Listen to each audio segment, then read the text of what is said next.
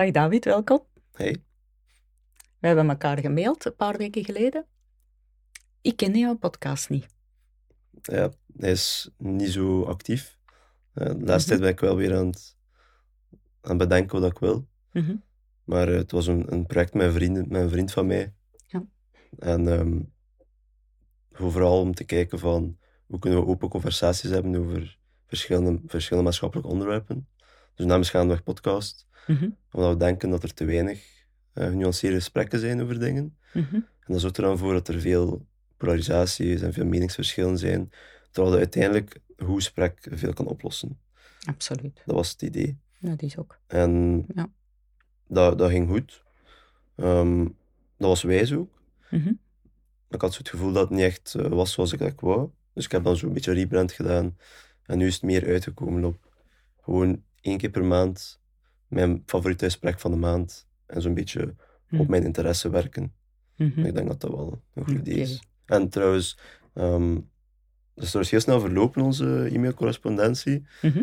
Maar ik was jullie podcast toevallig tegen, tegengekomen, omdat jullie met Jes- Jessica Verreken Ja. hadden een podcast hadden. Ja. En ehm, ik was daardoor geïnteresseerd, want het is mijn kinesist. Oké. yes. Ah, ja, ja. en ik- tijdens corona was ik ook eh, volgende jaar op Twitter ook. Hm. En dan was ik wel geïntrigeerd door jullie podcast. Dus Ja, oké. Ja. Onze podcast is van vorig jaar, 22 2 22 Eerste gesprek, Steven, met Filip Vermoortel. Ja. Dus een, eh, ja, Ja. En, zeg maar. en hoe, hoe lang ben jij bezig nu? Met gaandeweg? Ehm, ik ben begonnen in, want pas op, 2000 juni 2022. En dan heb ik geüpload tot eind december. Mhm. Dan heb ik zo'n hiatus gehad van vijf maanden. En dan nu ehm, Mm. ben ik weer, heb ik weer vier opnames gemaakt. Dus een jaartje, eh, een half jaartje of zo. Ja, ja. Dat is toch Ja. al mooi, hè? Ja. Kan je jezelf iets wat voorstellen? Wat is jouw achtergrond? Ehm, mijn achtergrond, ik, heb, ik ben eigenlijk juist vorige week afgestudeerd. Oké. Ik heb eh wellbeing en vitaliteitsmanagement gestudeerd. Mm. Dat is een, eh, een professionele bachelor met de afstudierichting coaching. En de reden dat ik daar eigenlijk mee begonnen ben, en die richting is eigenlijk gefocust op het welzijn van de werknemers. Maar ik ben eigenlijk vooral ermee begonnen omdat ik geïnteresseerd ben in coaching. Mhm. En mensen, mensen tot inzicht brengen, mensen helpen om Mhm. met, met een probleem aan de slag te gaan. Eh, want we zien in deze maatschappij veel problemen, Zeker. dat is, dat is een feit. Mm. Eh, en we zien ook dat bijvoorbeeld bij therapeuten die wachtlijsten hebben, dat mensen hulp nodig hebben. Ja. Dus vandaar dat ik daar geïnteresseerd in was. Maar ik had niet echt verwacht dat het eh, ging zijn zoals, zoals het was. Mhm. Want voor mij was dat gewoon een richting. Ik heb daarvoor handelswetenschap gedaan in Gent, vier Mhm. jaar. Mhm. Ben gestopt. Oké. Na vier jaar ben ik gestopt. Ah, ja. En dan heb ik gewoon mijn interesse gevolgd. Mhm. En die interesse was coaching. Omdat ik altijd een persoon ben geweest die graag luisterde naar andere mensen. Mhm. En ja, ik goede gesprekken had. En ik merkte dat die coaching bij mij paste. Mhm. Dus ik heb echt zo mijn interesse gevolgd. Ja, Dat, is mooi. Ja, dat is belangrijk. Zeker. Ja, dat is heel belangrijk. Yes. Ja. En ook omdat in handelswetenschappen is heel, een heel brede opleiding. Mhm. Ehm, breed economisch. En daar komt een beetje like HR aan bod, een beetje rechten bod, van alles een beetje. Mhm. En ik merkte dat het enige wat me echt interesseerde, was het menselijk aspect. Ja, oké. Dat aspect van een mens verstaan. Mhm. Dus ik heb interesse ook in psychologie. Mhm. En die interesse heeft mij dan ervoor gezorgd dat ik begonnen ben. En ik dacht van, oké, ik ga je leren coachen. Maar uiteindelijk was dat eigenlijk een, meer een persoonlijke ontwikkelingsreis. Mhm. en dat is ook wat veel andere studenten zeggen, dat ze als persoon ontwikkelen, Mhm. in plaats van kennis opdoen. Wat Is dat zo? Ja. Ja? Dat is heel uniek, vind ik. Ja, dat je eigenlijk jezelf beter leert kennen, Ja. in plaats van dat de focus ligt op de leerstof Ja. om andere mensen Ja. te coachen. Ja. Ach, zeg. Dat was eh, enorm onthullend, want ik zat toen zo in mijn persoonlijk leven, mijn moeilijke periode. Mhm. En ik dacht van, ja, ik ga nu gewoon doen wat ik wil. Mhm. En proberen niet rekening te houden met eh, wat dat mijn omgeving denkt, wat dat vrienden denken, wat de maatschappij verwacht van mij. Ja. Ik heb dat gedaan. En de eerste lessen, dat is echt wel echt grappig. De eerste les was zo, kom toe, en ik wist van niets. Hè. Ik ben zo iemand dat echt gewoon op mij laat afkomen. Dus ik ben naar de eerste les geweest. En de eerste, dat was echt zo'n een, oude hoeve. In Kortrijk is ze. En ik kom daartoe. En ik vond het lokaal niet, want dat was echt zo een heel gezellige, verbouwde hoeve. En ineens zei ze tegen mij, het is op de zolder. Dus ik ga naar de zolder. Hè. En ik kom daar binnen, zitten daar zo met acht, acht mensen op een yogabal. Is het echt? En ik, stel je voor, ik kom van vier jaar opleiding in grote aulas. Ja. En dan kom ik daar binnen, zitten met acht man op een yogabal. en dat was echt even voor mij van, oké, waar ben ik nu beland? Een cultuurshock. En dat is iets wat veel studenten in het begin hadden, van waar ben ik hier beland? Ja. Maar uiteindelijk wordt- zet dat wel je perspectief wat open. Zeker. En naarmate dat ik vorderde in, de, in die richting en meer en meer coaching trainde, want natuurlijk als je coaching traint, zijn je niet alleen aan het coachen, maar word je gecoacht. Mhm, En dat heeft echt veel geholpen voor mijn, mijn zelfinzicht en mhm. mezelf inderdaad beter te leren kennen. Dat is echt een verrijking geweest. Ja, en onverwacht, onverwacht. Ja. Want de de meeste richtingen zijn gericht op kennis, ervaring en Ja. expertise. Zeker.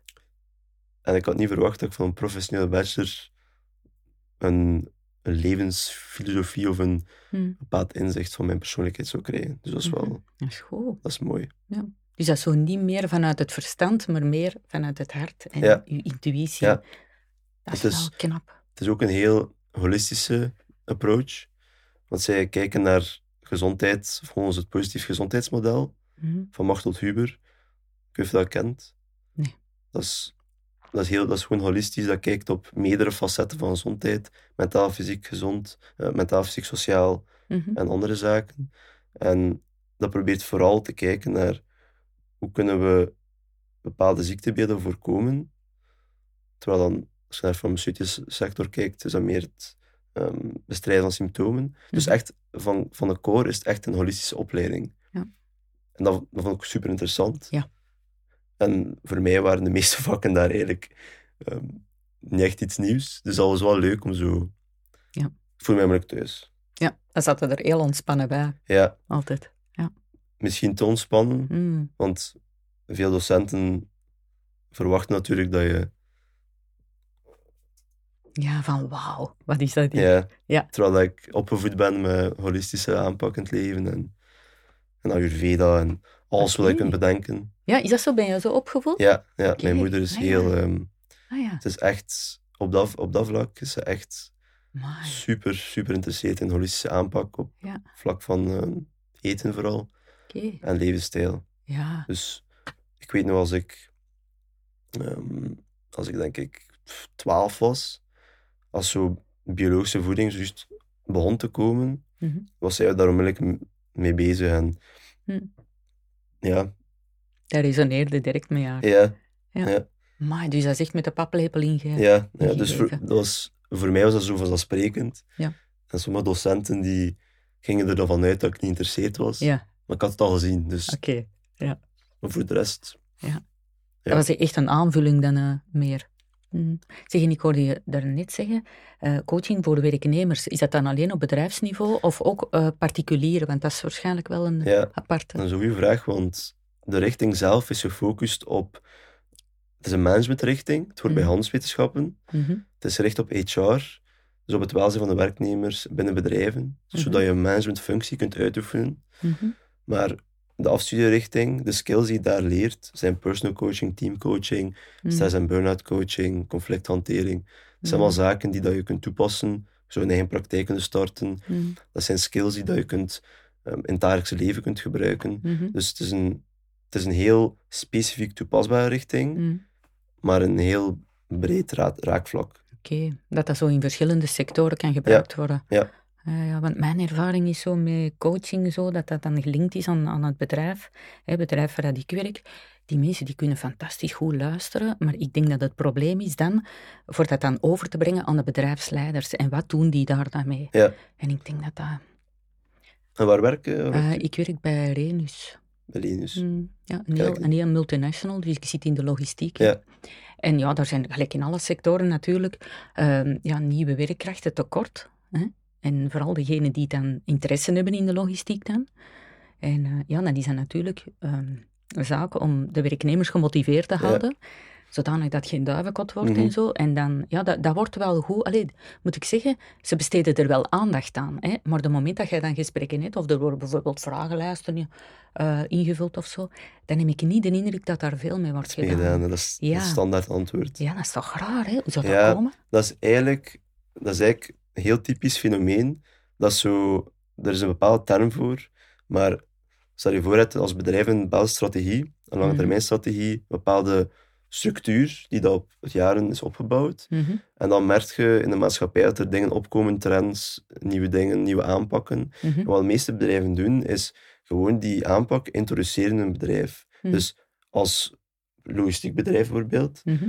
ineens coachings, coaches aanwerven, omdat je gewoon je, je verloop wilt aanpakken Mhm. en dat je wilt zorgen dat je, je werknemers blijven en zich Mhm. goed voelen. Mhm. Maar als dat niet verankerd is in je basiswaarden van je bedrijf, en als je Ah. bedrijf daar niet op gebouwd is, dan gaat dat nooit een duurzame, een duurzame ja, strategie zijn. Dus dat zijn dan meestal loshangende initiatieven die dan niets doen.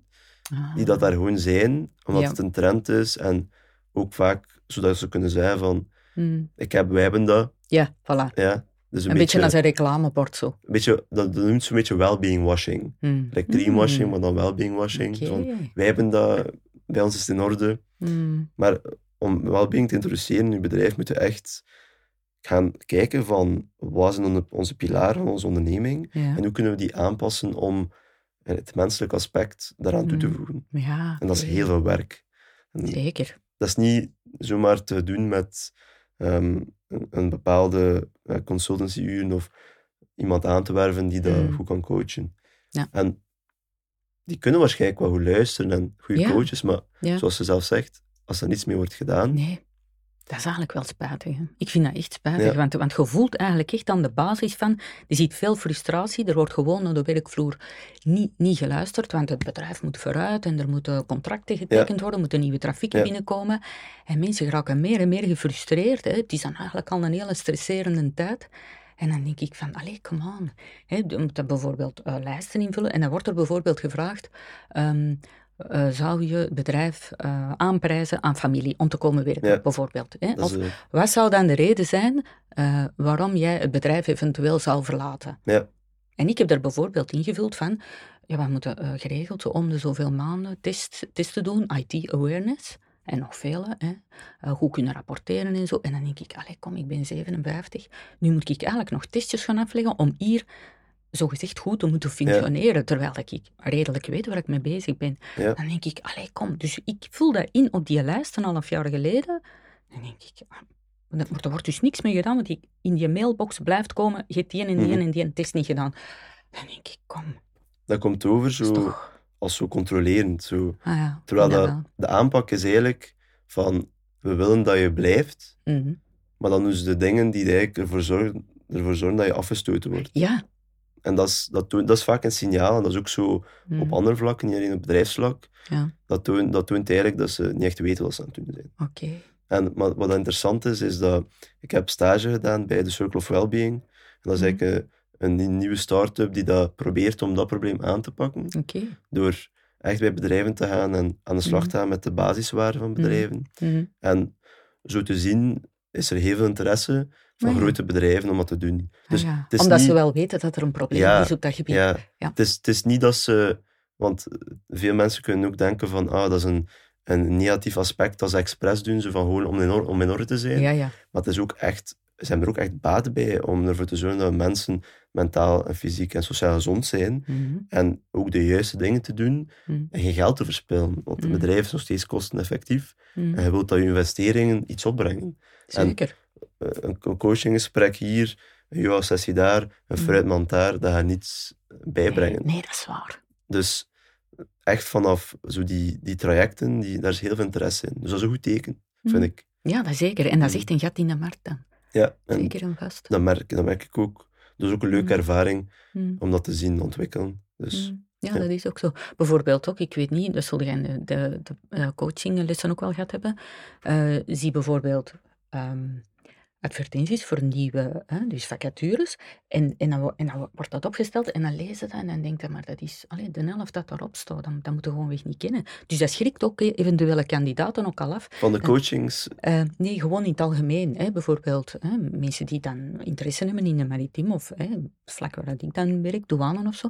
En dan worden er van allerlei eh vereisten en vaardigheden ah ja, dat is gevraagd. typisch. In deze tijden, in deze tijden moet je veel alles te kunnen. zwaar. Ja, Je moet alles kunnen, dat is dat een feit. En dat is eerder zo van, omdat ze de juiste mensen willen aantrekken, dus Mm. weer hetzelfde, Mm. ze willen de juiste mensen aantrekken, Mm. maar door die uitgebreide, totaal over de top functieomschrijving, Ja. stoten de juiste mensen af. Voilà, dat is, dat dat is toch raar, ironische van het leven Dat is eigenlijk. raar, hè? En dan kun je dat bijvoorbeeld al wel eens zeggen, van, dat is toch gewoon veel te veel op.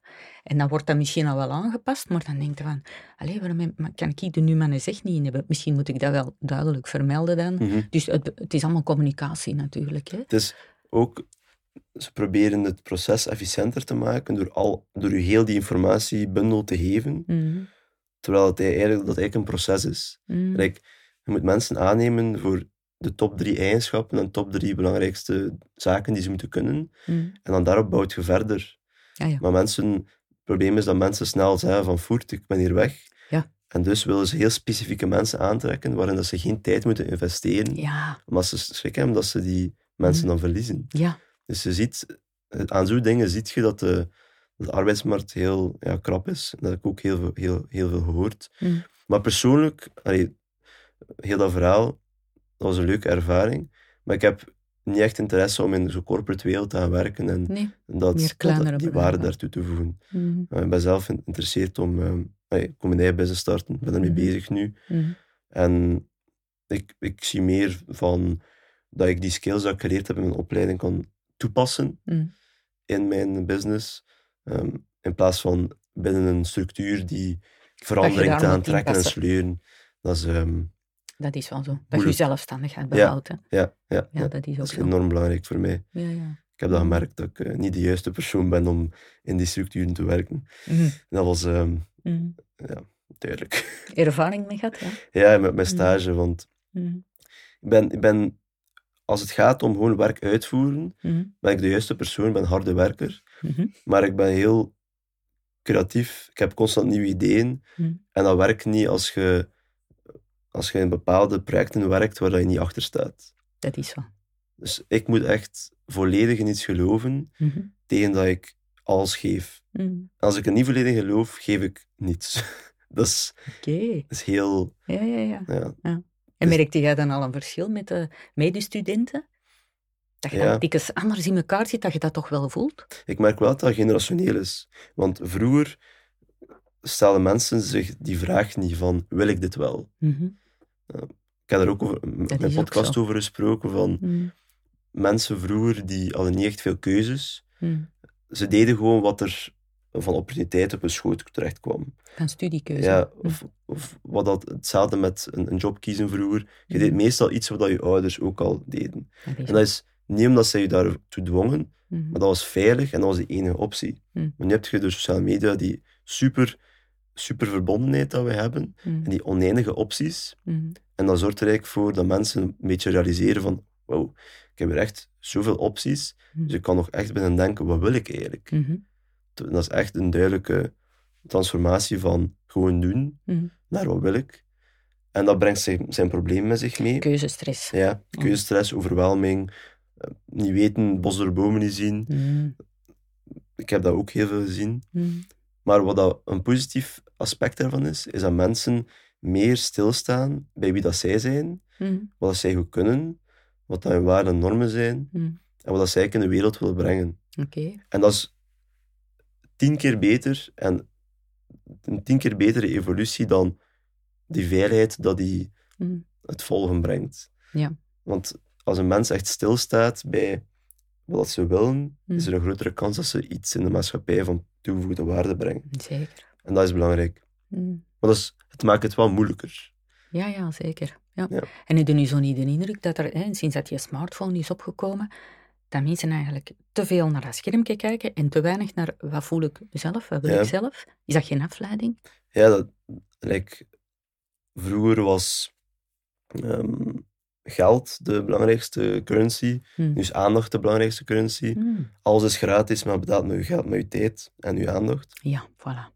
En persoonlijk, dat is een beetje zo die paradox voor mij, die smartphone, want dat zet oneindige mogelijkheden open, Dat in de positieve zin, Hmm. maar ook oneindige mogelijkheden in de negatieve zin. Hmm. En ik heb, ben, ben nu bezig aan een boek, dat noemt Essential, Essentialism, noemt dat. Mhm. En dan gaat eigenlijk om de, de filosofie van, wat zijn de belangrijkste zaken waar ik mijn focus op wil leggen. Hmm. Dus dat gaat over focus, dat gaat over eh, wat je belangrijk vindt. Hmm. En een interessant stuk dat daarin voorkwam, was dat, dat hij zei van, vroeger, als wij ergens zaten, verveelden wij ons. Hmm. En dat vervelen zorgde ervoor dat wij nadachten. Mhm. Wij dachten na over zaken waar, waarvoor dat we eigenlijk normaal geen tijd voor zouden hebben. Hmm. Maar als je aan het wachten bent op je dokter Ja. in de wachtzaal, heb je Mhm. niet anders te doen dan rond te kijken, je wereld te observeren, na Ja. te denken. Ja. Maar nu, ja, je kijkt rond je en iedereen zit op zijn gsm, Ja. eh, TikTok te scrollen of whatever. Gewoon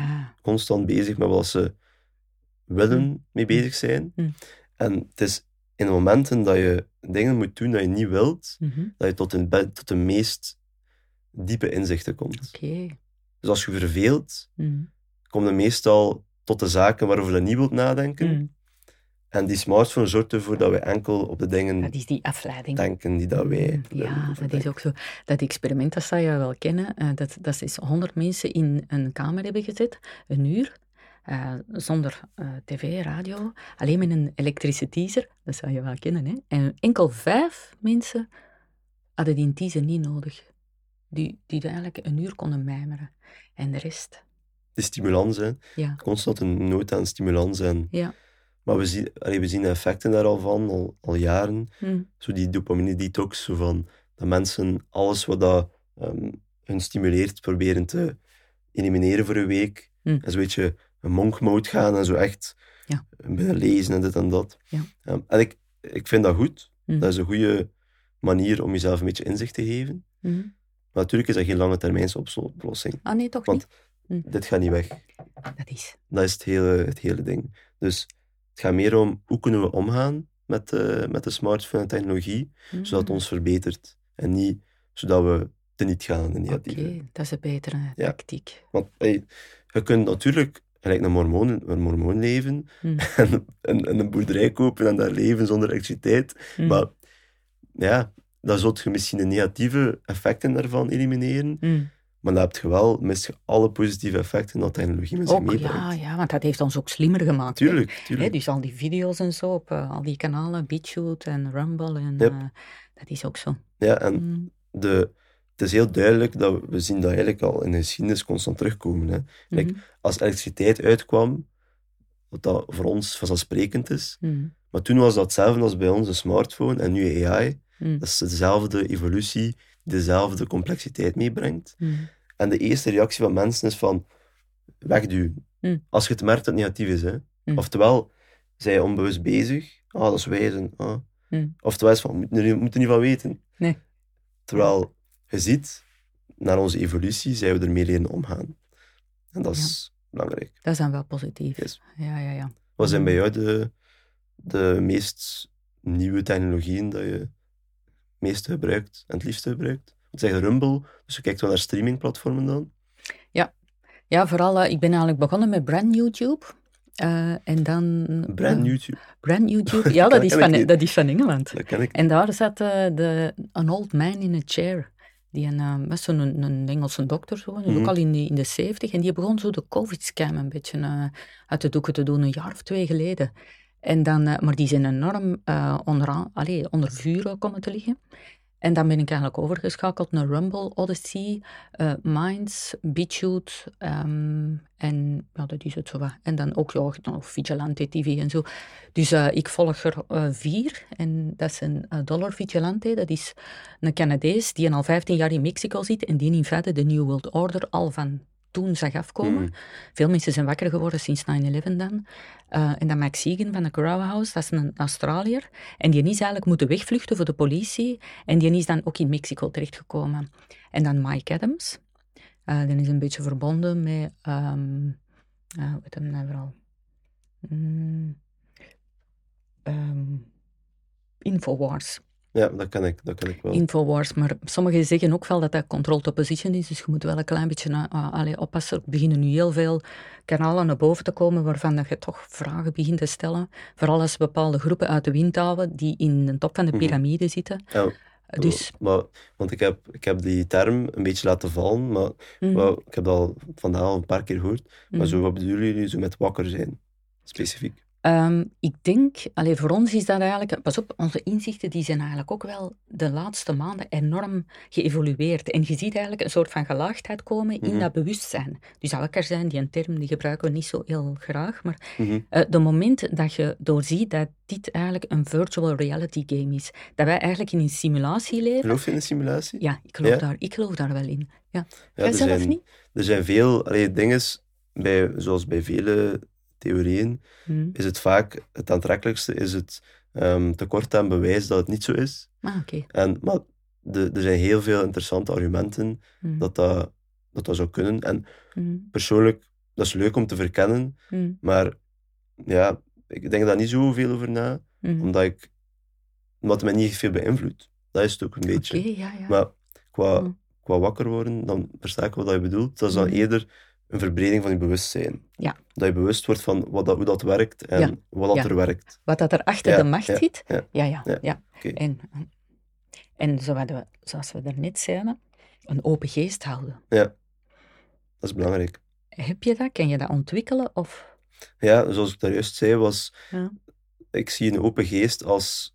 Ja, niets meer als bewustzijn. Mhm. Ehm, ik denk als je open bent, is dat leven vanuit je interesse, zonder tegengehouden te worden door zaken en overtuigingen die je hebt geleerd in je omgeving en je ervaringen.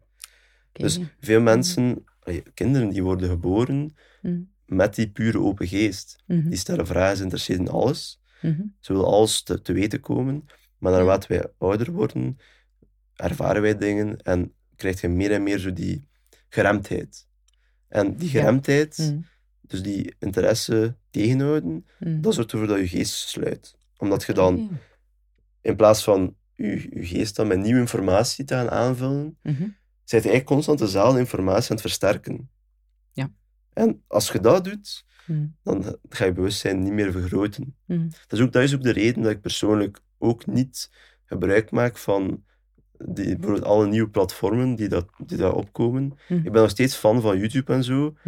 Ook al weet ik dat er praktijken zijn die niet ethisch zijn en die. Ja, in de vraag gesteld kunnen worden. Ja, en En dat- heb gezien van censurering en we voilà. hebben dat op Twitter gezien, we hebben dat op Facebook gezien. Overal hebben we dat gezien. Mhm.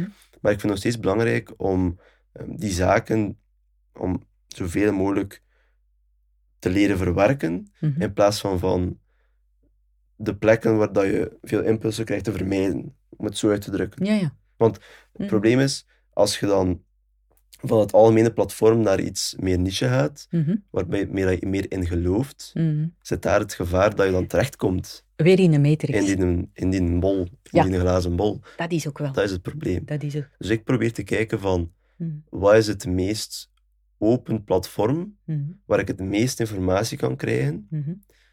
En dat zijn meestal nog steeds de platformen die de meeste censurering hebben.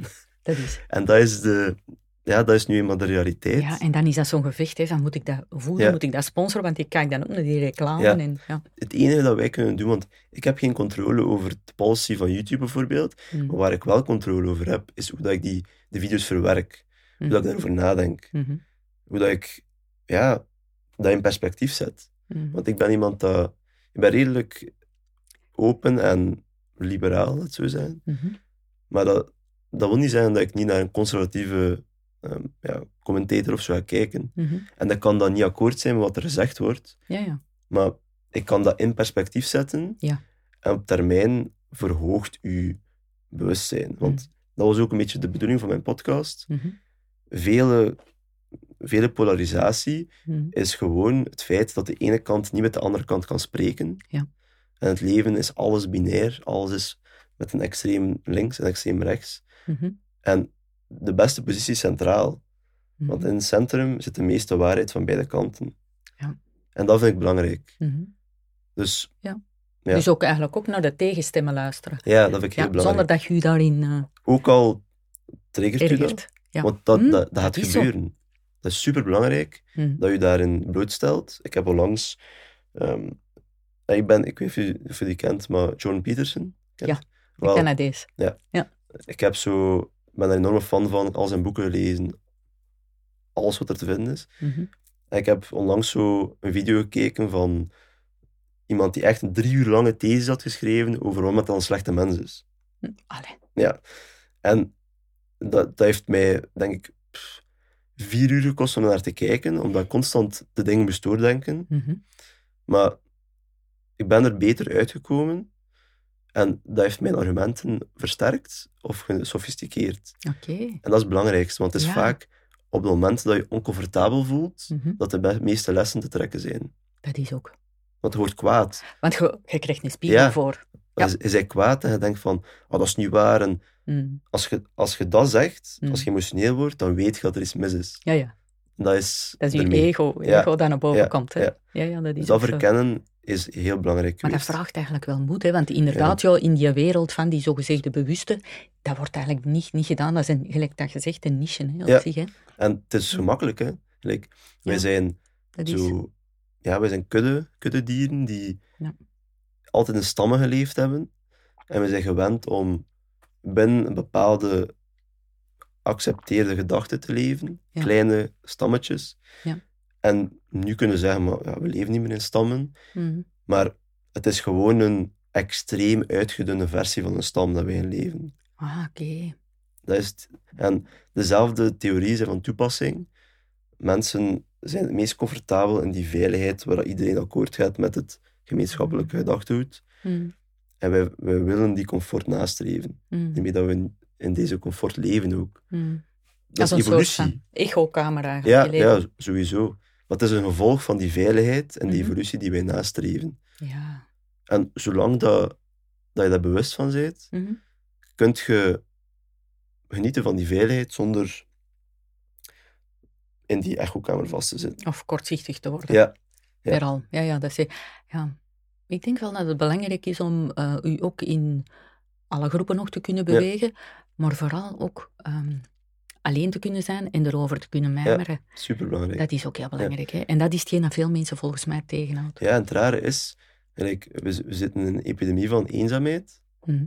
maar tegelijkertijd kunnen mensen niet alleen zijn. Raar, hè?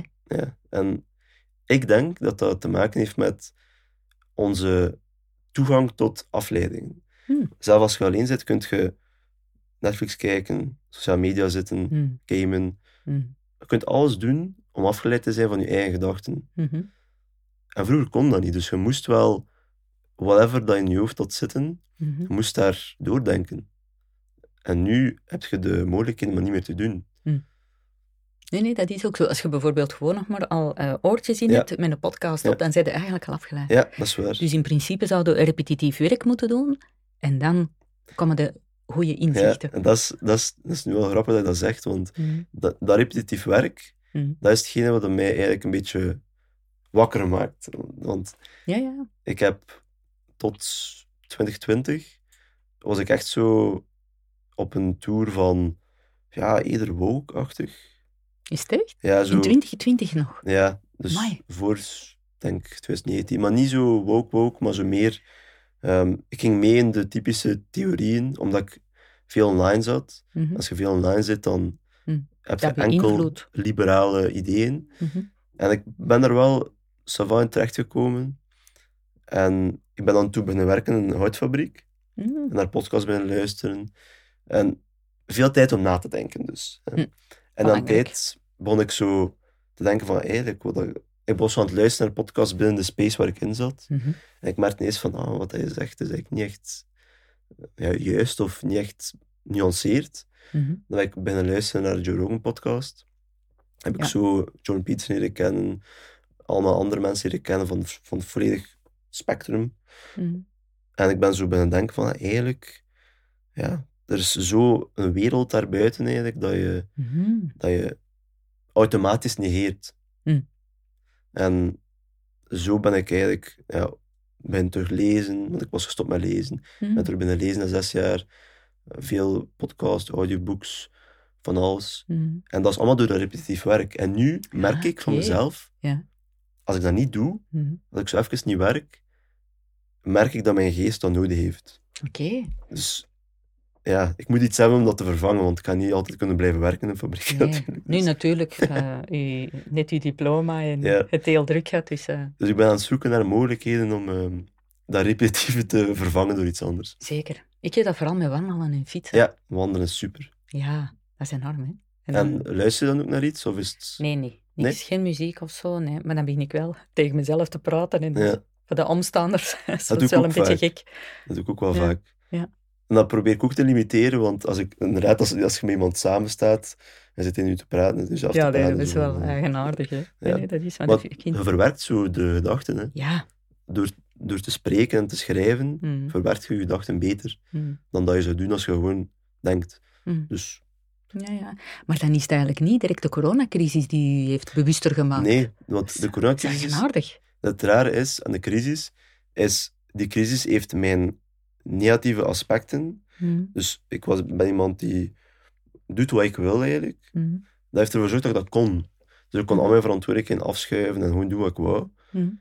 En dat zorgde ervoor dat ik nog dieper daarin terecht kwam. Oké. Want daarvoor moest ik nog andere, had ik andere verplichtingen, andere verantwoordelijkheden. Mm, En ja, ik heb dat, de kans gehad om te doen wat ik wou. mm, En het is eigenlijk op het moment dat ik besefte van, ja, ik moet keer terug gaan werken, want vroeger werkte ik veel, maar ik Mhm. had mezelf opnieuw comfortabel leven gegeven. En ehm, ik dacht van, ik moet een keer gaan werken. Het is tijd geworden. En dat, die beslissing heeft echt veel veroorzaakt. Dat is Dat is wel interessant. Oké, ja. En denkt je echt door dat repetitief werken en die inzichten die komen? 100%. Dat is onwaarschijnlijk. Als ik nu denk, ik ben iemand geweest dat zich nooit verveeld heeft. Mhm, Altijd een gamen of een boek lezen of iets. mhm, Iets waar ik in een andere wereld kan zitten. mhm, Waar ik, dat ik niet moet denken aan mijn gedachten en de dingen dat mee zit. Dus ik heb mezelf in een positie gezet dat ik niet Mm. anders kon doen dan focussen op die gedachten. Zonder Dat je wist dat dat het effect Ja, zou zijn. Ja, Ja. super waardevol. Ik heb echt zo'n Eureka- Ja. Eureka-moment gehad. Mhm. Ja. En wanneer is dat bij jou gekomen? Of is dat ook iets wat dat zich ontwikkeld heeft? Eh, ja, gelijk de meeste van ons eh, is dat eigenlijk gekomen al met pharma dan. Hè, dat je Ja. zegt van, maar die pillen, dat is maar symptoombestrijding. En dan, hè, die mensen die dan 10, 12 pillen nemen om het effect van de vorige pil. Dus op, op farmagebied was ik al wel redelijk bewust, maar dan eh, ja, vanaf ehm, 2020, pas op, ik heb ook nog mondmaskers gestikt, dus ik was ook helemaal mee in de ban. En Dat dan... ook. Ja, wel, dat is ook natuurlijk, hè. maar ik was er ook echt helemaal mee mee. Alleen nu niet dat ik een angstig eh, mens ben, maar ehm, ja, en dan mijn schoonzus die mij dan belde en die podcast van eh, Rashid Boutar had, eh, had gezien, en is ondertussen ook al overleden, en Del Bigtree ehm, van de Highwire, en die zegt, Hilde, er is hier een genocide aan de, aan de gang. En dat was, denk ik, ehm, eind 2020. Mhm. En dan, ehm, ja, een beetje het konijnen. Het waren veel mensen die dat eind Ja. 2020 Ja. begonnen te doorzien. Ja. Want allee, ik, persoonlijk denk ik niet dat dat eh, georchestreerd was. Er Mhm. zijn theorieën voor en Mhm. dat is makkelijk om daar uren over te praten, denk ik. Dat is ook. Maar ik, ik probeer altijd perspectief in het leven te hebben van... Het is veel logischer dat het te wijten is aan de stomheid van de mens Mhm. dan aan een, een of ander plan. Mm. En eh, je ziet wel, als je kijkt naar de, naar de psychologie van de mens, Mhm. de massapsychologie, dat het echt een soort van psychose was. Mm. De angst. We waren Mhm. echt geript door die angst van... Wat als, Mm. eh, wat als het wel ernstig is, of wat als het wel dodelijk is. Mhm. En ik denk dat de farmaceutische bedrijven daarop hebben ingespeeld, natuurlijk. Mhm. En daar zien we nu ook bewijs van. Maar ik denk niet dat dat geregistreerd is, was. Nee? Nee. Ik Nee. denk dat echt gewoon... ehm, iemand heeft daarop ingespeeld, Mhm. en dat zijn de farmaceutische bedrijven. Mhm. Maar ik denk niet dat dat een groot plan was. Mm. Want je ziet dat ook in de aanpak. Ja. Het was heel loshangend. Mhm. En je zag dat de mensen heel reactief waren. En reactiviteit, voor mij, wil zeggen dat mensen reageren uit emotie. Mhm. En als iets uit emotie is, kan het niet vanuit, vanuit het rationele zijn. Mhm. Dus je zag dat volledige regeringen ra- emotioneel reageren. Mhm. Terwijl je zou denken van, als het een plan zou zijn, Mhm. dan zouden de politiekers onmiddellijk afkomen met een A tot, A tot Z-plan en zeggen van, kijk, alles is in orde. We hebben dit in, in orde gesteld voor jullie. Alles komt goed. Maar dat was niet zo. Mhm. Pure chaos, hè. Mm. Pure chaos. Mm. En ik weet nog dat ik ook dat, zelf dacht van, "Hé, wat is dit? Gelijk, Mm. Je ziet video's van mensen in Italië dat daar zitten te creperen. Mm. Eh, In China dat ze daar zot aan het worden zijn. Mm. En wij dachten dan, dat komt hier niet, hè, dat komt hier niet. Ja, ja. En toen was het hier en iedereen was in paniek. En dan, ja, Ja. de angst, hè, de angst. Mm. Dat is, Ja. Angst grijpt een mens, hoor. Dat is- zeker en vast.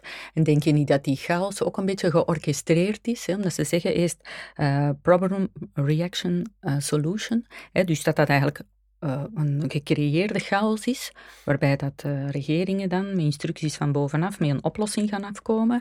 En dat is dan die one world government. Ja, het ding is, natuurlijk zijn er... Er is natuurlijk bewijs van als ze naar die één, één wereldregering willen gaan. Mhm, Er zijn genoeg globalisten die daar mee bezig zijn. mhm, Maar ik denk dat het, het natuurlijke proces van de mens mhm, is chaos verkennen en daar orde van maken. En problemen oplossen. Dus ik denk eerder dat het gaat om problemen dat ze willen aanpakken. mhm, Maar het gaat eerder van, zijn het de juiste problemen? mhm. En zijn het de juiste, is het juiste focus op die problemen? Mhm. Dat is voor mij het ding. Nou En- ja. Het zou kunnen dat ze gebruik gemaakt hebben van die chaos om hun agenda mee naar voren te brengen. Dat kan ik volledig inkomen. Dat zien we ook met, met, eh, ehm, met, de, met het milieuactivisme en zo. Dat er ook op wordt ingespeeld door ehm. Die, die globalisten. mhm. Maar ik denk niet dat dat geregistreerd kan zijn. Gewoon om het feit, het leven van natuur is chaotisch. Gelijk, dat is wat dat mensen doen. Mhm, En ja, dus ik denk, ik denk Ja, wel dat het een, een mhm. opportunistische zet was. Oké. Dat wel. Ja. Zeg, en als er nu terug een pandemie moest komen, omdat de WHO dan zogezegd uh, regeringen kan overnemen. Dan hè? zouden ze... Dat gaat zot zijn ze dan. Ja. Ik denk niet dat dat zal lukken opnieuw, hoor. Nee. Want- Denk in jouw omgeving ook mensen die zeggen, nee, geen tweede keer niet meer? Ja, ik, weet, ik weet nog heel goed dat vrienden van mij zijn zo heel ehm plichtsgetrouw. Mhm. En ze gaan doen wat er moet gebeuren. Hm. En dat zijn de mensen die meestal ook misleid worden. Hm. Maar ze doen wat, ze moet, wat er moet gebeuren. Het landgevoel. Hm. Ehm, dat is ook de reden. Ik ben ook trouwens gevaccineerd geweest twee keer. Mhm. En ik heb dat gedaan. Ik ben overtuigd geweest door het feit... De enige reden dat ik gewoon andere mensen niet wou schaden. Mhm. En nu weten we dat dat een leugen is, natuurlijk. Mhm. Maar mijn vrienden was dat hetzelfde. Op een bepaald moment heb ik gezegd, dit slaapt niet, dit is niet meer logisch. Mhm. Ik heb gezegd, goed, derde prik, vierde prik, je mocht ze allemaal Ja. zelf prikken.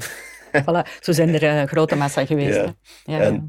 ik, dacht, ik dacht zo van, ja, mijn vrienden gaan zo zeggen van, ja, het is, het is weer een antivaxer of een wakko of zo. Maar tot mijn verbazing was het zelfs niet omdat zij realiseerden dat er een, een theorie was of whatever, Mhm. maar gewoon het feit dat het niet logisch meer was. Oké. al die limiteringen waren niet meer logisch. Nee. Dus dat is ook heel belangrijk geweest. Rick. Mhm. Mensen die inzagen van dit slaat op niets. Nee. Dus ik denk, moest dat nog een keer komen. Dat ze toch de grote massa niet meer gaan Ja. meekrijgen. En ook Nee. gewoon, ik Mhm. hoop ook dat... Ja, ik denk niet dat de overheid zo dom is om Mhm. opnieuw dezelfde fouten te maken als ze gemaakt hebben. Ja. Heb jij een geloof in gezag? Vind jij dat overheid nodig is? Ehm, tot op een bepaald punt. Hm. Want anarchie werkt niet. Dat is een feit.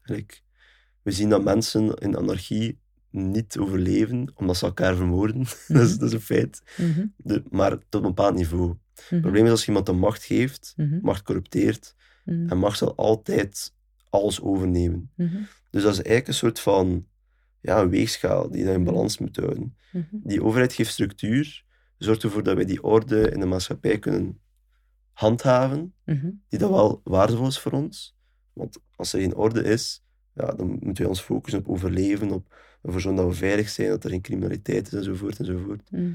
Maar het probleem is, die veiligheid is zo aanlokkelijk, Mhm. dat wij alles geven. Ja. Er is geen evenwicht meer. Ja, dus dat het is gaat om wel. het evenwicht wel. Mhm. Ik geloof niet, nogmaals, in anarchie. Mhm. Ik geloof in balans in, op dat vlak. Mhm. Maar ik weet wel dat veel mensen de noodzaak van de regering Mhm. en de, die hand dat de regering heeft in ons leven Mhm. overschatten. Like, en, en de nood daarvan overschatten. Oké, Dus ik geloof daar wel in, ja, ja. maar ik geloof niet in de mate van waar dat we nu naartoe gaan. Ja. Die ultieme controle, dat, Nee. dat slaat nergens op. Echt. En ook zo in jouw omgeving, mensen die die camera's en zo toch ook allemaal niet zien zitten en die Facial Ik kan me echt niet en- voorstellen... Ik kan me niet voorstellen dat mensen dat zomaar laten, laten doen. Nee. Ik vind wel, in België, wij hebben zo de neiging om alles wat dat, gelijk voor het in Amerika gebeurt, komt dit tien jaar later, Mm, omdat wij heel resoluut zijn met wat wij willen. mhm.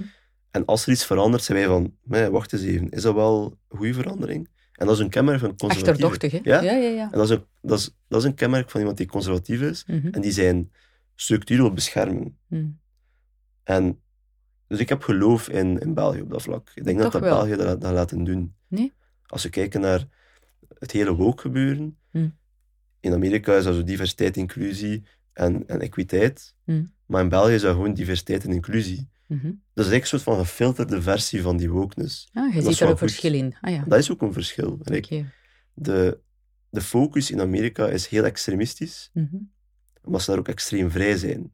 mm, Hier hebben wij die bepaalde structuur die dat ervoor zorgt dat wij dingen gaan filteren en mm, de juiste zaken eruit halen. mm. Die voor ons goed Tuurlijk, zijn. Want Ja, ja. inclusiviteit is belangrijk. Als we Mhm. multicultureler worden, Mm, is dat een belangrijke focus. Ja, Dus mm, ik geloof er wel in. oké. Dat is, Ja, ja. Ja, dat is toch wel een verschil. Want ik, ik ben eigenlijk eer ana- anarchistisch. Ja? Ja. Dus alles wat ik nu vind- gezegd heb, is een beetje van... Nee, nee, dat, nee, nee, want ieder zijn, zijn mening erop. Hè. En, en- je zult er ook je redenen voor hebben, hè, die je net hebt aangehaald. Maar ik geloof daar totaal niet in. Want eh, gelijk dat je zegt, macht corrumpeert. En ehm, het probleem is, allee, aan Argon is dus geen, heer, geen meesters, geen slaven. Maar het probleem is, gelijk dat je zegt, veel mensen zijn niet klaar voor anarchie. Omdat die dat linken met chaos, omdat dat zo ons is ingeprent van Mhm. kindsbeen af. Dus dat is eigenlijk echt wel het probleem. Ik denk ongeveer een 20, 30 procent die zal perfect kunnen leven zonder Ja. gezag, zonder overheid, zonder autoriteit. ja. Maar al de rest, die heeft dat echt nog nodig. En dan is het niet de bedoeling dat daar ineens paniek ontstaat. Hè. Dus Tuurlijk. Het is, ja, het is moeilijk. Het zijn eigenlijk twee verschillende werelden, net zoals dat we nu met de corona hebben. Dat is echt een splitsing geweest. En jij probeert nu die polariteit Mhm. eh, terug een beetje... Maar het is wel interessant, want als je eraan denkt, als de mens heel bewust is Mm, en ethisch ontwikkeld is, Mm. dan kunnen zijn dat de menselijke aard in bedwang te houden is. mm, Maar ik denk dat ultieme vrijheid die anarchie heeft, zelfs de meest ontwikkelde kan corrumperen. mhm, En dat is het probleem, denk ik. mm, Want ik denk dat wij vaak overschatten hoe fragiel dat wij zijn als mens. mm, En ondanks onze bewustzijn en hoe ver dat we denken en hoe, mm, hoe vrij dat wij zijn, mm, in ons hoofd, mm, er is altijd iets waar we niet bewust van zijn. mhm. Dat is, het, dat is de hele paradox. Ja, ja. Er is altijd iets waar we niet bewust van zijn. ja. En dat is gevaarlijk. En dat is ook Mhm. de reden dat er zoveel... Dat er zoveel dat, dat is het hoofdargument tegen anarchisme, Mm, is van, wat als... mm. Wat als... Maar dan gaat het eigenlijk uit van wantrouwen van uw medemens. nee, nee, nee, niet zozeer. Nee? Ik denk dat het belangrijkste is, maatschappelijk niveau, is de aard van de mens verstaan. Mm, En de aard van de mens is nu eenmaal zo dat, ja, als je mensen een macht geeft, dat ze corrupt worden. mhm, Als je mensen vrijheid geeft, dat ze corrupt worden. Dat, zijn, dat, dat is opnieuw, opnieuw die, dat spectrum. Like, mm, Complete, ja, totalitair regime naar complete vrijheid Mm. heeft dezelfde uitwerkingen. Ja, ja, Dat is ook op politiek vlak zo. Hè. ja, ja. Communisme heeft dezelfde uitwerking als fascisme. Ja. Dus dat bedoel ik. Ja. En anarchie is het andere extreem. Ja. En ik denk eerder dat, dat we meer baat bij hebben om mensen, de menselijke aard te verstaan Mm, en om te kijken van oké, hoe kunnen we dan dichter in het centrum komen mhm, en ervoor zorgen dat we die negatieve effecten van mm, die macht elimineren. Want dat is eigenlijk de optimale functie van de politiek. Hm. En dat is ook de reden dat wij verkiezingen hebben. Is we zorgen ervoor dat mensen niet voor 70 jaar aan, aan de macht zijn. Om die reden. Dat ze niet corrumperen en dat ze niet in hun rol krijgen. Dus Oké, dus je hebt er eigenlijk redelijk vertrouwen in dat degenen die nu aan de macht zijn, dat daar geen corruptie is. Totaal niet. Er is overal veel corruptie. Ja. Maar ik bedoel gewoon, Hm. door het natuurlijke systeem van nieuwe verkiezingen, Ja. wordt dat corru- corruptie eruit gefilterd. Mm. En er zijn veel problemen hè, met het systeem, dat is een Ja, feit. Hm. Dus, maar dat is de menselijke aard ook. Mhm, Dus het enige wat we kunnen doen, is de, het individuele gedrag confronteren mm. en aanpakken. Ah, oké.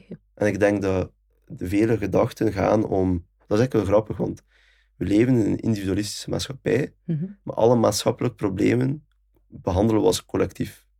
Hm. En ik denk dat de enige aanpak van negatief gedrag individueel moet zijn. Mhm. Als een minister corrupt is, pakt de minister aan. Mhm. En zorgt je niet dat hier je maatschappij anarchistisch wordt door je regering te gaan afzetten. Oké. Snap je mijn Ah, ja, ja, ja. denkrichting? Ja, ja, dat is een zeker. beetje... Oké. En Maar dan, moet je het ook, hè. ja, maar dan, dan gaat het toch nog altijd uit van dat geloof in de overheid. En wat ik eigenlijk wel spijtig vind, is het feit dat, ja, anarchie, dat, dat, dat werkt niet, dat is chaos.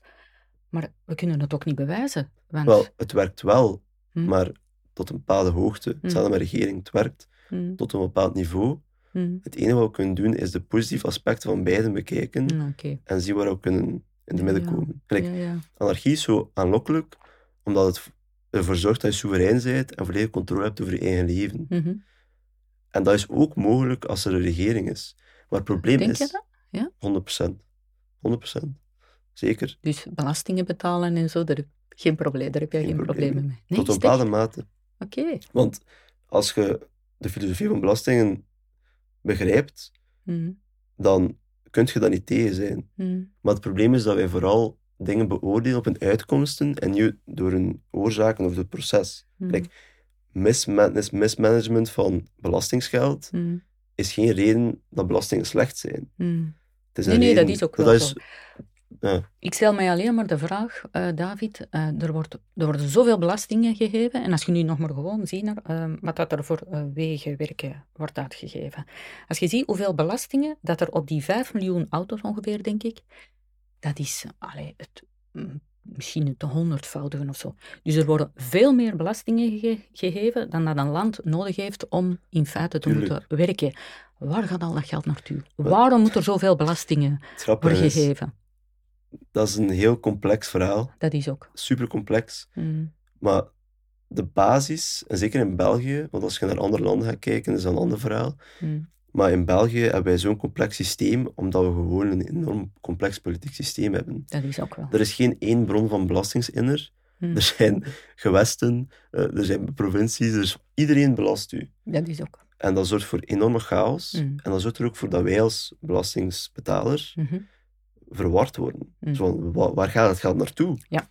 En dat is een, een terechte vraag, Ja. 100%. Mm. Maar het is belangrijk voor mij om te kijken naar andere landen die een heel simpele structuur hebben, like Denemarken bijvoorbeeld. Mhm.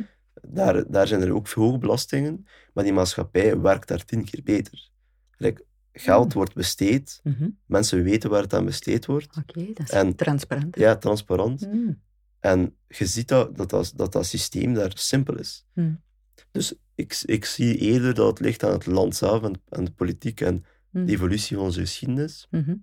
Het ligt ook aan, aan, aan het fiscaal systeem, Mhm. aan het monetair systeem. Dat is ook een hans ander verhaal. Mm. Want het feit dat we nu miljoenen zien voor een, een, een nieuwe straat, Mm. is gewoon een simpel, een, een simpel ja, monetair verhaal.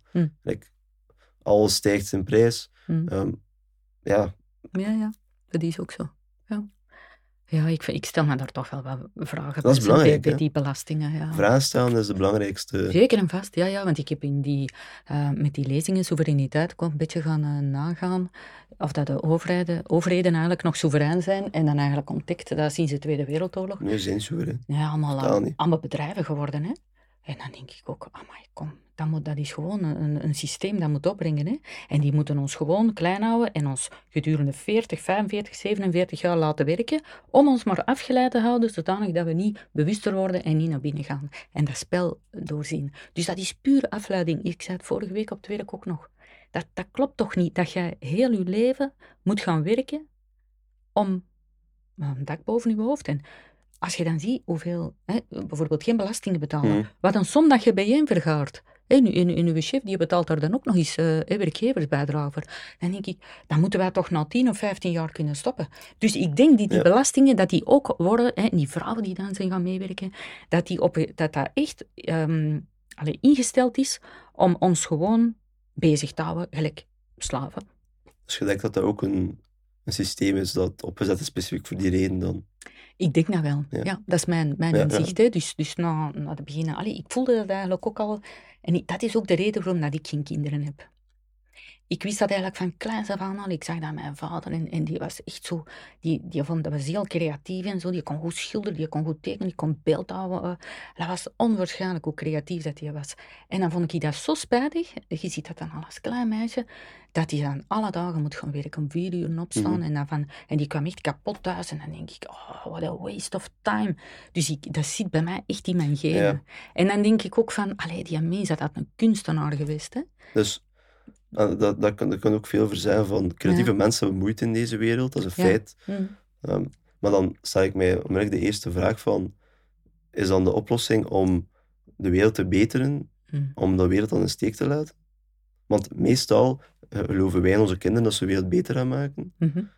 En dan is voor mij de, eigenlijk, uw kind is eigenlijk de, de enige, de meest succesvolle manier dat je zou kunnen doen om de wereld te verbeteren. Zeker. Dus in dat opzicht Ja, ja, zie ik daar ook een, een argument voor. zeker. Maar anderzijds snap ik ook wel zo'n beetje dat, zo'n nihilisme van waarom zou ik dat nou doen, waarom zou ik mijn kind in deze wereld zetten? Ja. Maar ik geloof wel echt in de capaciteit van een individu. Mhm. En als je die individu meegeeft wat je hebt geleerd van de fouten van de vorige generaties, Dat is om daar iets uit te halen. Zeker past. En eh, om nog een keer terug te gaan naar, ehm, naar de belasting. Ehm, Het ding is, dat is een heel interessant argument voor mij, om te, want dat is, it makes no sense. Hm. Dat wij nu handelsleven moeten werken om pensioen te krijgen, Hm. waar dat wij zelf voor betalen voor dat pensioen, Zeker. terwijl dat we even gewoon zo geld zouden kunnen verdienen, waarde zouden kunnen toevoegen aan de wereld. Ja. En, En creatiever ja, worden, en denk ik ook. Als je, gelijk dat je zegt, Ja, mensen focus zijn- volgen. Mensen zijn van nature creatief. Wij creëren. Ja. Alles is gecreëerd in deze wereld. Like, dit is gecreëerd, de fles water is gecreëerd, de bloemen zijn zelf gecreëerd. Ja. Alles is gecreëerd. Zeker. Maar die orde en die veiligheid zorgt ervoor dat we de illusie krijgen dat dat beter is Ja. en veiliger is. Ja.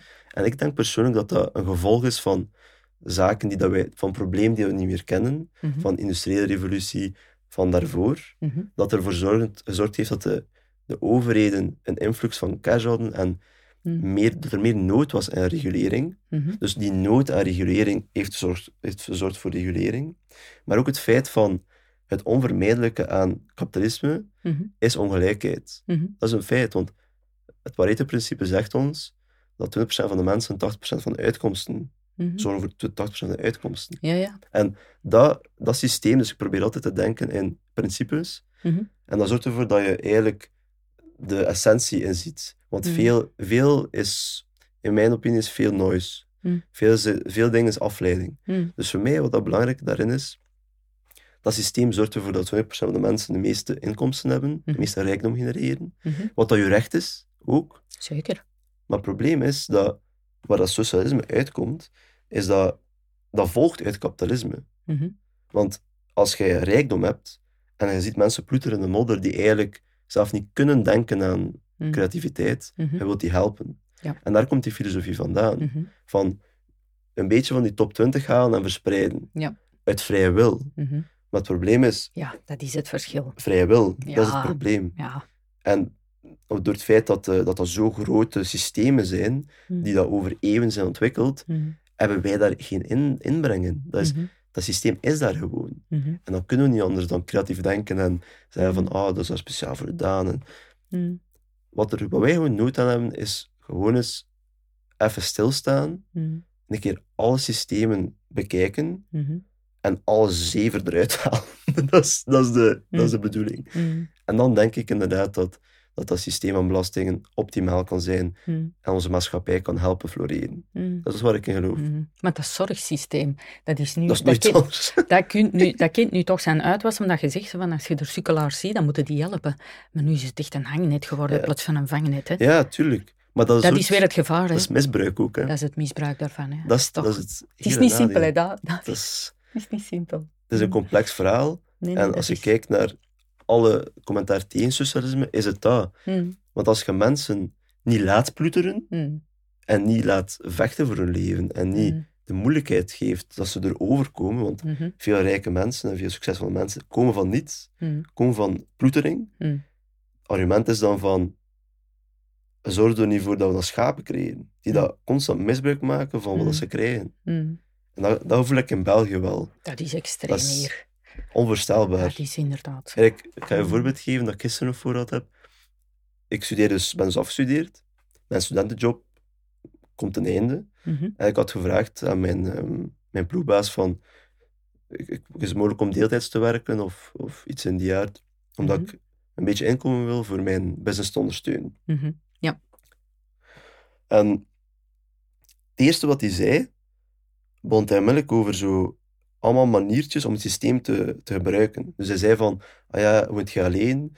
Is je vriendin ingeschreven bij haar thuis? Want als Mhm. je alleen woont, zonder inkomen, heb je recht op doppen. En dan kun je onmiddellijk profiteren. Ja. En dacht echt van, kom aan, allee, is dat echt wat je moet doen? Is Ja. dat het systeem? Ja, dat is enorm, hè. Dan, in mijn opinie, hoe kun je waarde creëren en rijkdom creëren Mhm. als je verwacht dat het allemaal op je afkomt?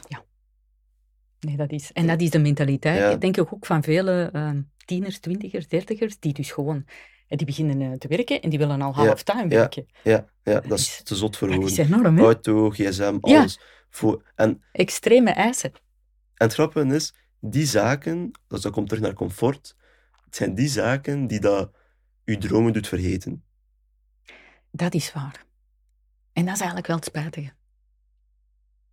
Dat is echt wel het spijtige. Jonge mensen hebben nieuwe ideeën Mm. en door al die zaken die, dat we, die dat we zoeken, en Mm. allee, dat, dat is eigenlijk een, een soort van het gevolg van het slechte systeem dat we in zitten. Mm. Zorgt Ja, ervoor dat we niet het systeem geraken. Dat is. En ik, ik geloof dat dat echt gewoon menselijke aard is. Mm. Dat is ook zo. Dat is- Ja, nee, nee, dat is. Want er is, ehm, ja, ik heb het hier in een vorig gesprek ook nog aangehaald.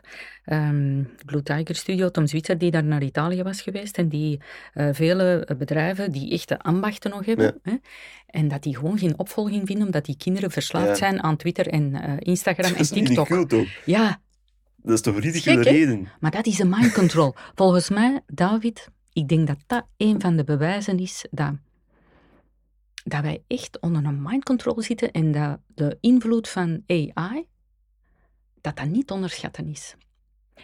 Van artificial intelligence via frequenties, ik denk als je dat moest, als je dat moest gaan onderzoeken, hè, ik heb nu eh, net twee boeken van David Icke en die spreekt erover, over die, die frequenties. Hè.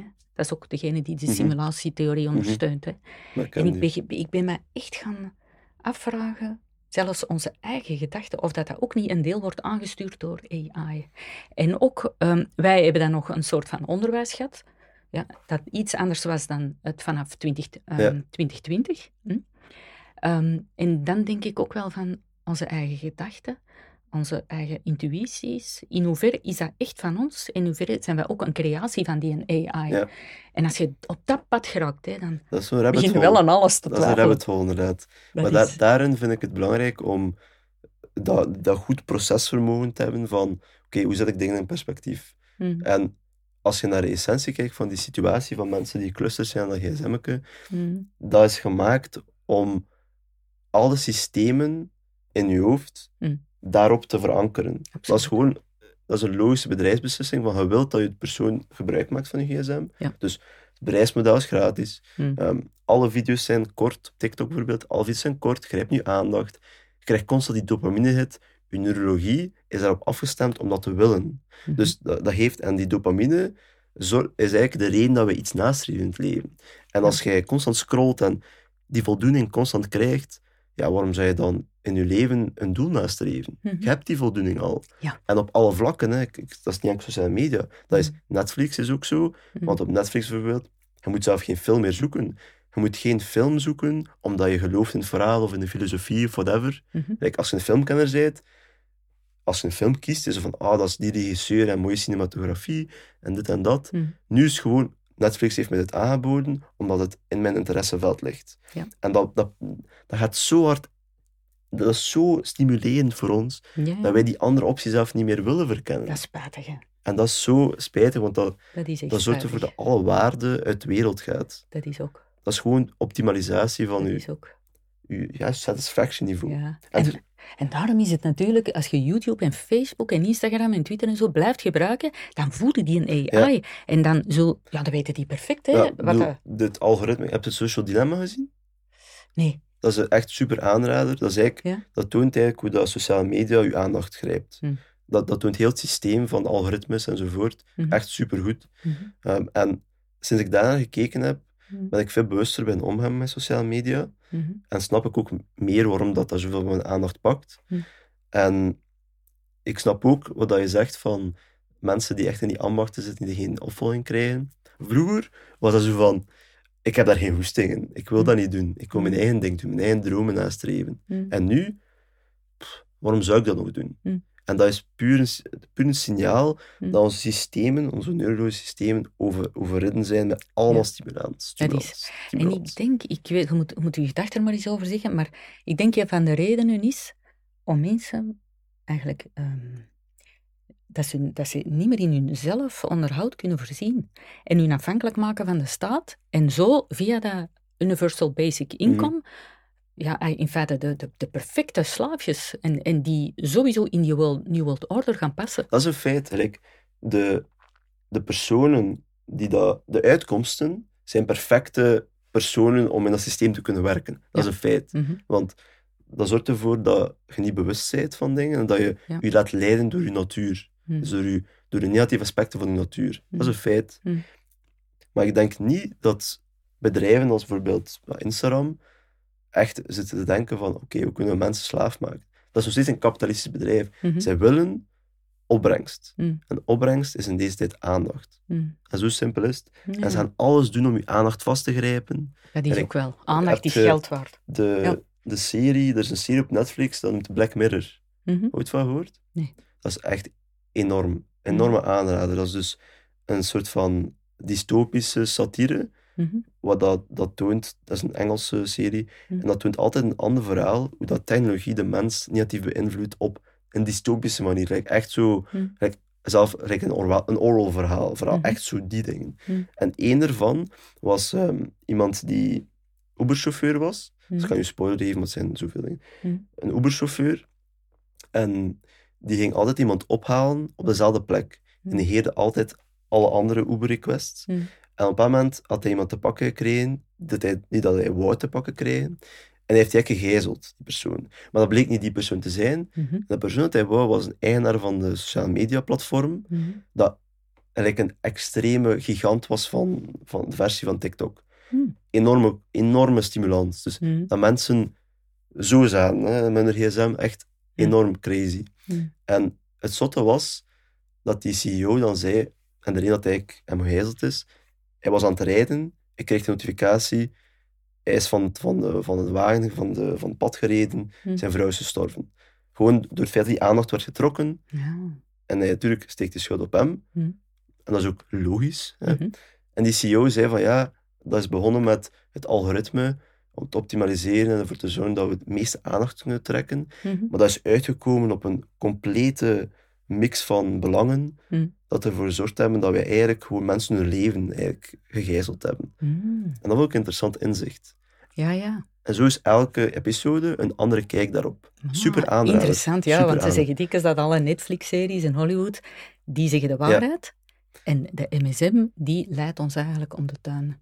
En Dat alle zei- science fiction films en zo, dat je daar echt Dus er zijn realiteit weinig, in moet zien. weinig series waar dat ik echt zo even moet bekomen, maar elke episode is echt, Ja, Pad super. erop. Echt waar. Ja, en zeker ja. qua technologie. En, het, het zotte is, je kunt je die wereld voorstellen. Mm. Van die dystopie kun je je voorstellen. Mm. En dat het ook belangrijk is dat mensen snappen waar dat iets naartoe kan gaan. Ja, dat die predictive programming. Ja, Maar denkt u niet dat dat ons, ehm, voor, ons niet voorbereiden is op die smart cities en die Dat leidt surveillance? dat leidt, dat leidt er inderdaad wel toe, want Ja. de ultieme uitkomst van controle is Mhm. controle. Mm. op elk niveau. Ja, ja. Dat, is, dat is een menselijke aard op de een manier van, als jij Mhm. controle hebt over dit, Mhm. dan kun je controle, hebben over iets anders. Zeker. En als je, ehm, en dat is ook, eindigt dat niet. Dat Mhm. bedoel ik, je moet daar een cap op zetten. Je moet, Mhm. daar, je moet ervoor zorgen dat de conversatie open blijft van, oké, Ja. waar stopt dit? Ja. En dat kun je enkel doen Ja. als je populatie bewust is Mm. en snapt wat er aan het gebeuren is. Dat is, en dat is ook de missie van uw podcast. Ja. Ja. Dus daarmee dat ik ook zo aangetrokken ben tot, ehm dat is ook de reden dat ik het interessant vond om hierop te komen, Mhm. is omdat dat in, uw, in de descriptie stond Mm. van Mm. het complete verhaal verkennen. Absoluut. Dat vind ik super belangrijk. Ja, dat is ook. Ja. En mensen verschillende inzichten geven ook, Ja. hè? Nee, nee, dat Het is is ook enkel zo. zo dat je dichter bij een waarheid kunt komen. Mhm. Wat dat bestaat of niet, weet ik niet. Nee. Wat ik wel weet, is dat de waarheid niet te vinden is in onze schedel alleen. Maar Nee. gecombineerd. Ja. Door te spreken over dingen. Door... Dat is ook zo. En dan aanvoelen of dat het resoneert of niet. Ja, ja. Nee, nee, dat is ook zo. Zeg nu eens een, een heel andere vraag. Geloofde je dat onze ehm, beschaving ehm, ooit geïnfiltreerd is door buitenaardsen? De kans is eigenlijk groter. De kans is groot dat dat gebeurd is. Hm. Ik vind eigenlijk, dat is echt trappig aan het hele verhaal en zo. Ten eerste, al het geloven in, buitenaardse wezens. Mhm. Het zou arrogant zijn moest je er niet in geloven. Ja. Want de wereld is, als je gewoon maar stilstaat bij hoe groot dat universum is, Ja. kan dat, is de kans groot dat er een ander leven is. Mhm. En moesten zij ons bezocht hebben, is dus dat heel realistisch dat we dat niet van zouden weten. Mhm. Gewoon het feit van als zij hier geraken, zijn ze technologisch zo geavanceerd dat wij zelf niet kunnen begrijpen. Nou, Dus ja, Mhm. en we zien nu in Amerika al die dingen die uitkomen. Hmm. Ik heb er nog niet echt naar gekeken, ik weet niet of je er al naar gekeken hebt, maar Hmm. er komen al zo classified files van ehm, Ja. naar boven van dat ze technologieën hebben enzovoort. Ja, ja, Bart Uiteragen Ja, heeft ja. nog gezeten. Ah, hè? ja. Ja, ja. Dus we gaan meer en meer, denk ik, zien Mhm. van zaken die daar Mhm. naar boven komen. Mhm. Maar het pure, het filosofische uitgangspunt, dat kunnen we niet over twijfelen. Hè. Dat dat gebeurd is. Ja, dat, dat, er, dat de kans groot is dat het gebeurd is, maar we mogen het niet behandelen als een zekerheid. Ja, ja. En qua le buitenaards leven, de kans is zo groot dat het soms belachelijk is hoe mensen daar zo op teen op teen in gaan. Ja, ja, absoluut. oké, er zijn mensen die daar compleet worden door ehm, geobsedeerd Mhm. en dat dat overal beginnen zien. Dat is Mhm. een kenmerk van de mens. Mhm. Ik denk niet dat, dat een alien een platte schotel gaat zijn. Ik denk, ik denk dat dat een technologie is dat wij zelf niet kunnen zien. Realistisch gezien, hè. Ja, ja. Nee, Maar- gelijk dat je zegt dat dat dan zo geavanceerd is. Ja. Geloof jij dan niet dat er bijvoorbeeld een soort van eh, alien hier naar de aarde is gekomen? Hè? Sommigen spreken van 10.000, 13.000 jaar geleden. En die dan eigenlijk, ehm gelijk de Nephilim, gevallen engelen, eh, een soort van eh, hybride zijn gaan creëren. Dat is een super interessante theorie. hè. Dat Ja. al, heb ik al gezien. En ehm, allee, ik geloof, en zeker na David Icke te lezen en dan eh, Alien World Order van Len Kasten en zo, ik denk echt dat die, een, een, en dat die echt in, de, in een top zitten. En dat is de spider in de web, dat David Icke beschrijft. Ehm, en dat die dertien eh, reptiliaanse bloedlijnen, die satanische bloedlijnen, dat die degene zijn die in een top eigenlijk via het bankensysteem ons eigenlijk alles aansturen. En het probleem is, David, denk ik, dat die zodanig, gelijk dat je zegt, die zijn ehm, eh, technologisch zo ver dat die ehm, voor ons kunnen verschijnen als mens. Die kunnen onze, onze mind, onze geest behe- eh, beheersen. Mhm. En de moment dat die bijvoorbeeld ehm shapeshiften naar, ik zou zeggen, een reptiel of, of een ander soort van wezen, hè, een Grey of zo, de moment dat die dat dus doen, dat die ehm, uw geest zodanig kunnen beheersen dat jij een mens blijft zien. Mhm. Ja, En dan denk ik ook van, als je je geest daarvoor openzet, je moet daar niet in geloven natuurlijk, maar ik geloof dat het eerst ook niet maar twee jaar geleden ben ik dat echt beginnen onderzoeken uit de wereld van, van clones en, eh, en dan die hybriden en, en dat is onwaarschijnlijk. Ik vind dat is heel fascinerend, Dus- hè? het is super interessant, want het interessante daaraan is, is nu komt er veel bewijs naar boven van ehm, beschavingen die vergaan zijn, van Mhm. 10.000, 15.000 jaar geleden. Mhm, Op Netflix heb je opnieuw ehm, Ancient, Ancient Apocalypse, mhm, En dat is echt super. Dat is ook een, eh, een archeoloog die ingaat, allee, dat is eigenlijk een onderzoeker meer, maar die gaat in tegen alle begrip van de mens, van ehm, het accepteerde beeld van waar begint ons Mhm. verhaal. mhm, En die is er dus achtergekomen dat er voor Egypte, door, onder andere erosie, eh, erosie rond de piramides van Gizeh, Ja, dat die veel ouder zijn dan dat ze denken. zijn dan. En natuurlijk, ik kan mij voorstellen dat er, door de groot, hoe oud onze wereld is, dat er andere beschavingen zijn geweest met technologieën dat wij zelf niet kunnen begrijpen, Mhm, dat met andere fysica werkt. mhm, Maar dat is, ding is, voor ding is en dat, dat, dat is eigenlijk de kern van het verhaal voor mij, is wij hebben een bepaald perspectief, mhm, maar perspectief is niet realiteit, mhm, maar perspectief is wel realiteit. Voor ons. Dus wij kunnen ons vaak dingen niet voorstellen die niet passen binnen die... Ons wereldbeeld. Ja. En, en tegelijkertijd hebben wij een enorm grote ehm, ja, verbeeldingsvermogen en capaciteit om verbindingen te zien. We zijn patroonherkennende wezens. Ja, dus wij ja. kunnen patronen herkennen. Mhm. En ik denk dat, al, al is het super interessant, de theorie van dat er aliens zijn gekomen, Mhm. dat is mogelijk. Mhm. Maar ik geloof, ik geloof dat alle theorieën dat daaruit voortkomen, dat daar heel veel rationalisaties in zitten. Mhm. En dat, want wij zijn, intelligente mensen zijn gekenmerkt door het feit dat zij dingen kunnen rationaliseren door belangrijke, belangrijke eigenschappen van de realiteit te negeren. Omdat we niet alles zien, natuurlijk. Absoluut. Dat is het ding. Zeker. Dus Ja, ja, zeker. het is leuk als denkoefening Mhm. om daarbij stil te staan en Mhm. de kans, de filosofische kansen daarin te bekijken. Mhm. Maar ik geloof niet direct in het hele construct. Ik heb dat allemaal gezien, wat, dat, wat over. Ik heb dat allemaal bekeken. Ja, ja. Super interessant. ja, ja, dat is. Dat is Maar het is soms een beetje de rabbit van mijn bedshow. Ja, ja, dat is ook zo. Want David Icke die zegt dan ook dat je bijvoorbeeld met, hè, wij met ons vijf zintuigen, dat wij maximum eh 40 waarnemingen kunnen Ja. hebben per seconde, terwijl dat er 11 Ridicule. miljoen zijn. Ja, maar dat is Of zoiets, hè. Like, gewoon Ja. al als je stilstaat bij, de- bij de menselijke aard Hm. en dat realiseert hoe gelimiteerd onze perceptie is, dan kun je niet anders dan even stilstaan bij zijn de gedachten dat we hebben wel accuraat? Of Ja, ja, is dat wel iets wat, dat we obsessief moeten geloven? ja. En ik, heb, ik was daar juist aan het lezen, um, ben zo met een boek bezig van, ehm dat noemt Filosoferen over emoties, van Mirjam van Rijen, Mhm. een filosoof van Nederland. En ik ben al een jaar bezig met dat boek, omdat echt, ja, met pauzes, en ik dat als je een boek leest, en het, Hm. het vordert niet. Hm. Maar het is een boek dat ik zeker wil aflezen. En ik was aan het kijken bij eh, angst, het is een hoofdstuk over angst. Mhm. En daar spreekt ze over existentiële angst, enzovoort, enzovoort. En dan komt ze uit op xenofobie, Mhm. dus de angst van vreemdelingen. Mhm.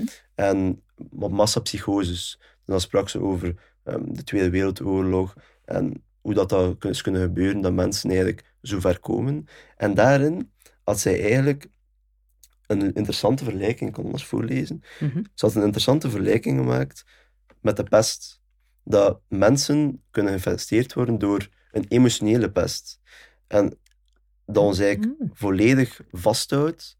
En dat Mhm. komt door onze gelimiteerde, ja, zoals hij zelf zegt, zintuigen. En daaruit heeft ze dan een, ehm, een theorie gehaald van wat is eigenlijk een gezondheid. En ik wil dat wel eens voorlezen, Ja, als, ik is mag, goed. als ik mag. Ja, ja, doe maar.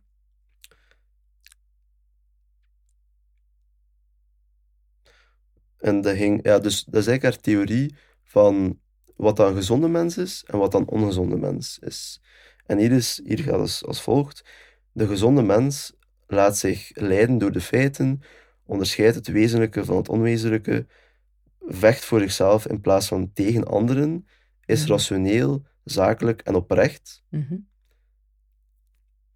En de emotionele pest daarentegen wordt gekenmerkt door irrationeel denken, rechtvaardigingen, zoals rationaliseren, vooringenomenheid, intolerantie en angst en haat voor al wat natuurlijk en gezond is. Maar dat is mooi samengevat. En dat is echt, dat omvat eigenlijk alles wat, dat, dat, dat is. wat, dat de, wat de menselijke aard samenvat. Ja. En toevallig, alle positieve aspecten die dat ik hier genoemd heb, Mhm. zijn zaken die dat we nu aan het doen zijn. Mhm. We zijn aan het proberen om tot de waarheid te komen, om perspectieven te verkennen. En om oprecht te zijn. Zeker. En dat vind ik super belangrijk. Als je oprecht bent Mhm.